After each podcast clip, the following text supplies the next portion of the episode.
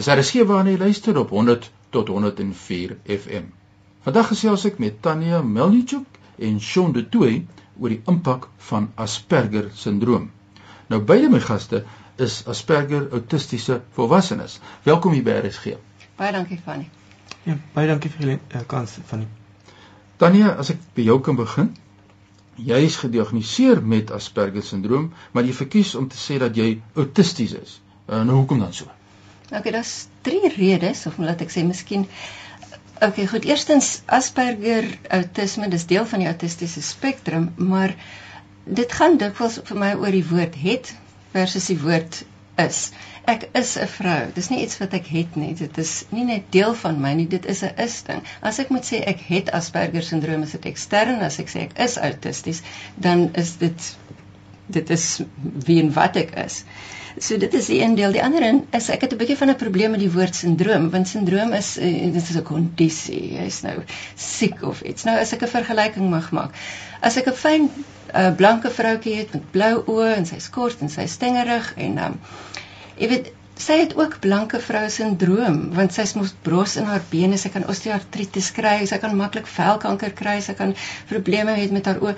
Het sy regtig 'n sindroom of is sy maar net 'n fyn blanke vroutjie wat ook eintlik baie makliker sal kan perdry as sy dan haarself optimaliseer en sterk word, sal sy lekker kan bergklim. So op dieselfde manier voel ek dit as 'n SP of as 'n autistiese persoon jy het punte wat eintlik baie sterk is en jy kan sonder die sindroom lewe as dit net optimaal is. Nou jy was al 40 toe dit gediagnoseer is. Nou hoekom nie voorheen is dit dan nie raak gesien nie? Ek dink dokters, psigiaters, die mense weet nie hoe dit lyk nie. Ek het uh twee ooms wat dok dokters is. Ek het 'n uh, neef en niggie wat 'n uh, dokter is. Ek het uh, sielkundige gekwalifiseerde in die familie. Hulle weet nie waarvoor om uit te kyk nie selfs diegene wat nou veronderstel is om spesialiste te wees op die uh, gebied. Ek kan partymal oor die internet kan ek 'n SPV jou uitken daarso na na twee paragrawe se gesels. Dan gaan hy nou na 'n sielkundige wat met 'n 'n kennis oor hierdie goed dra en um dit vat twee sessies en dan hulle nou nog nie eintlik seker nie. Hulle weet nie waarna om te kyk nie. Die universiteite deesdae, sommige van hulle gaan glad nie eers dit inskryf uh, insluit in hulle um universiteits uh, curriculum nie. So ja, ek dink dit is maar deel van die rede. Kom ons hoor by jou Shaun, uh jy tans het 'n ongeskiktheid toelaag wat jy ontvang en soos heelwat mense soos ons sê Asperger mense, het jy ook epilepsie en wat tot gevolg het dat jy soms stadig reageer en jy voel dat uh mense baie talentvol is en soos jy ook baie talentvol is, maar mense word dikwels dan uh, nie raak gesien nie. Hulle word nie die geleenthede gegee om hulle self te bewys nie. Uh, kan jy vir ons 'n voorbeeld gee? In 'n spesiale lewe is ding baie keer sodat daar is um, plekke waar hulle in daaglikse lewe sukkel. So bijvoorbeeld uh, stres en kommunikasie. Nogtans het hulle gewoonlik um, in 'n baie spesifieke um, area of um, kategorie baie goeie eienskappe. Die probleem is dit dat die publiek sien dit nie. Die publiek sien dat jy, jy is 'n bietjie anderste. Hulle verstaan jou nie en hulle ehm um, gee jou nie kans nie.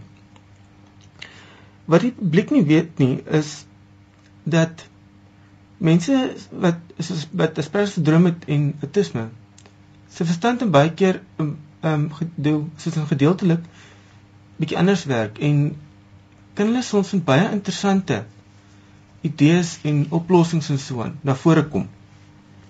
Ja, uh jy het 'n besondere talent en dit is om te werk met mense met 'n verstandelike gestremdheid. Vertel ons meer daaroor.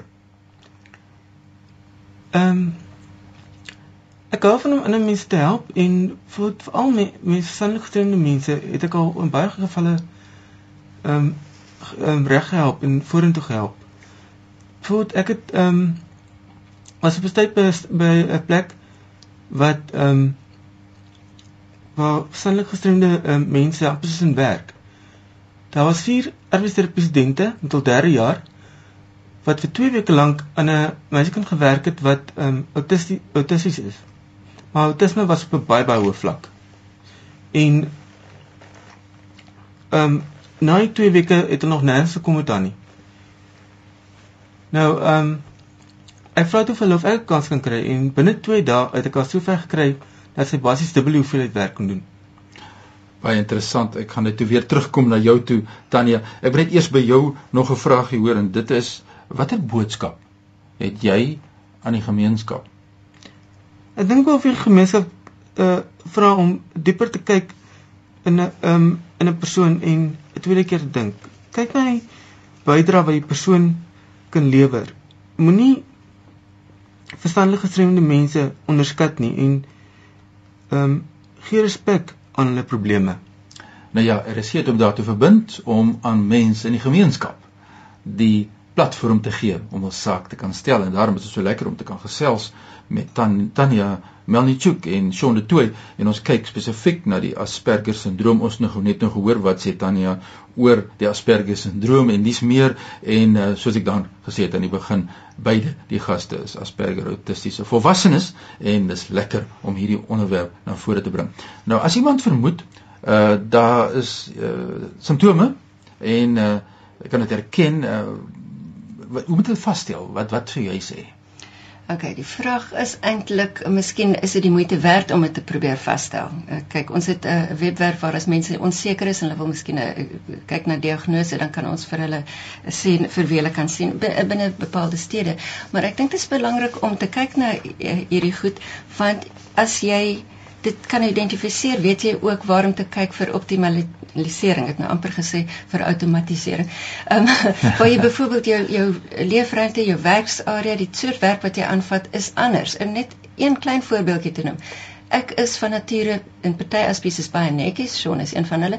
Ek is baie baie slordig, maar my werk met my uh, sê nou my dokumentasie is uh, is fantasties. Nou vir my om te leer om ordelik te wees in my leefruimte en my werkruimte en so on, vat 'n heeltemal 'n ander soort van ordening wat met my brein moet werk. So as jy daai goed eers weet, as jy weet jy het sensoriese probleme, dan kan jy dit verander. Ek dra by my gehoor uh, earplugs die meeste van die tyd om te gebruik. So dit is voorbeelde, dan kan jy effektief wees as jy dit uh, vasgestel het.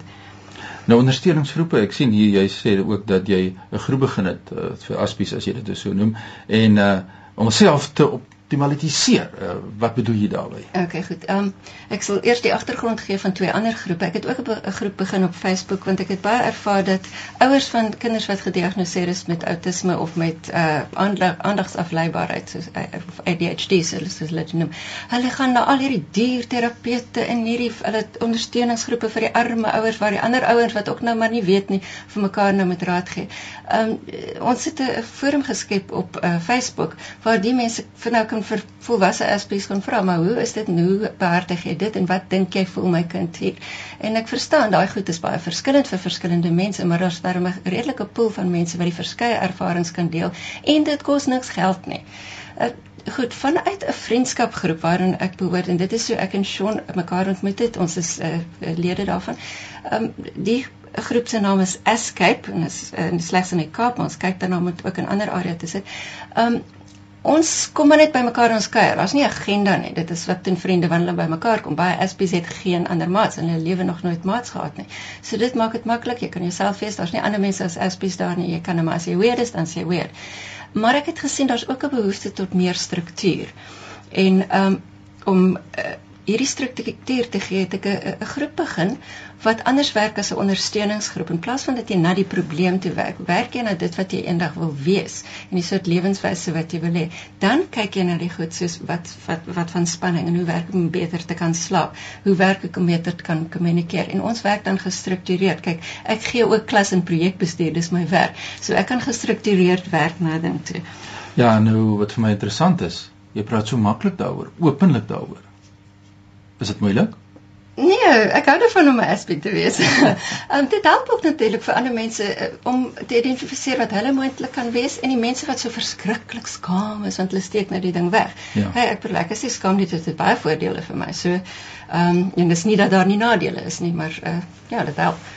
Ja, dit is wonderlike voorreg om met julle twee te kan gesels, Shaun en Tanya en ons moet hierdie inligting aan die gemeenskap deurgee en dit is wat RSG se verantwoordelikheid is ter afsluiting ons het so 'n minuut of wat oor om te vra oor die kind wat daarmee gediagnoseer word, die ouers se gevoel en kommernis. Wat sê jy vir die gemeenskap daar buite?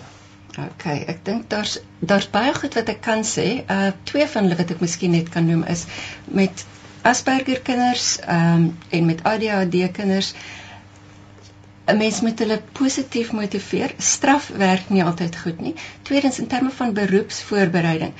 Daai kind is dikwels gefokus op net een area of twee obskure areas en so dat hy ingaan in al die obskure areas waarin hy belangstel want later kom daardie goed baie goed bymekaar en jy het 'n unieke voordeel dikwels. Nou ja Tanya, ek moet jou ongelukkig kort aan daar. Ons kan nog baie gesels oor hierdie onderwerp of dit nou Asperger sindroom is of wat Asperger autistiese volwassenes is. Dit maak nie saak nie. Wat belangrik is, mense, ons is mense en ons het sekere behoeftes en sekere uitdagings en natuurlik het ons hierdie platform wat ons kan gebruik om die gemeenskap in te lig oor sake wat soms miskien dalk 'n bietjie agter die bakkant gefluister word en nie so in die openlike gesprekke genoem word. Jy so baie baie dankie. Ek waardeer dit en ons net hoor as mense julle wil kontak waar kry julle die hande? Goed, uh, om telefoonoproepe te behartig is uh nie vir ons heeltemal effektief nie, maar mense kan kyk na die webwerf. Dis www.asp.co.za en ASP is dan nou 'n soort van 'n troetelnaam vir 'n Asperger persoon. Dis A S P IE en daar kan mens navraag doen oor enige van die groepe waar ons gepraat het. Jy kan selfs persoonlik met Shaun in kontak kom as daar enige vrae of uh jy weet kontak daar met plaasvind. So dis waar ons is. Nou ja, daar het jy dit geen net vir ons weer net daai kontak besonderhede deel. Goed, dit is www.asp.co.za. Dis A S P I E.co.za. Nou ja, baie sterkte aan julle groetnisie van my kant. Goed, dankie Fanny.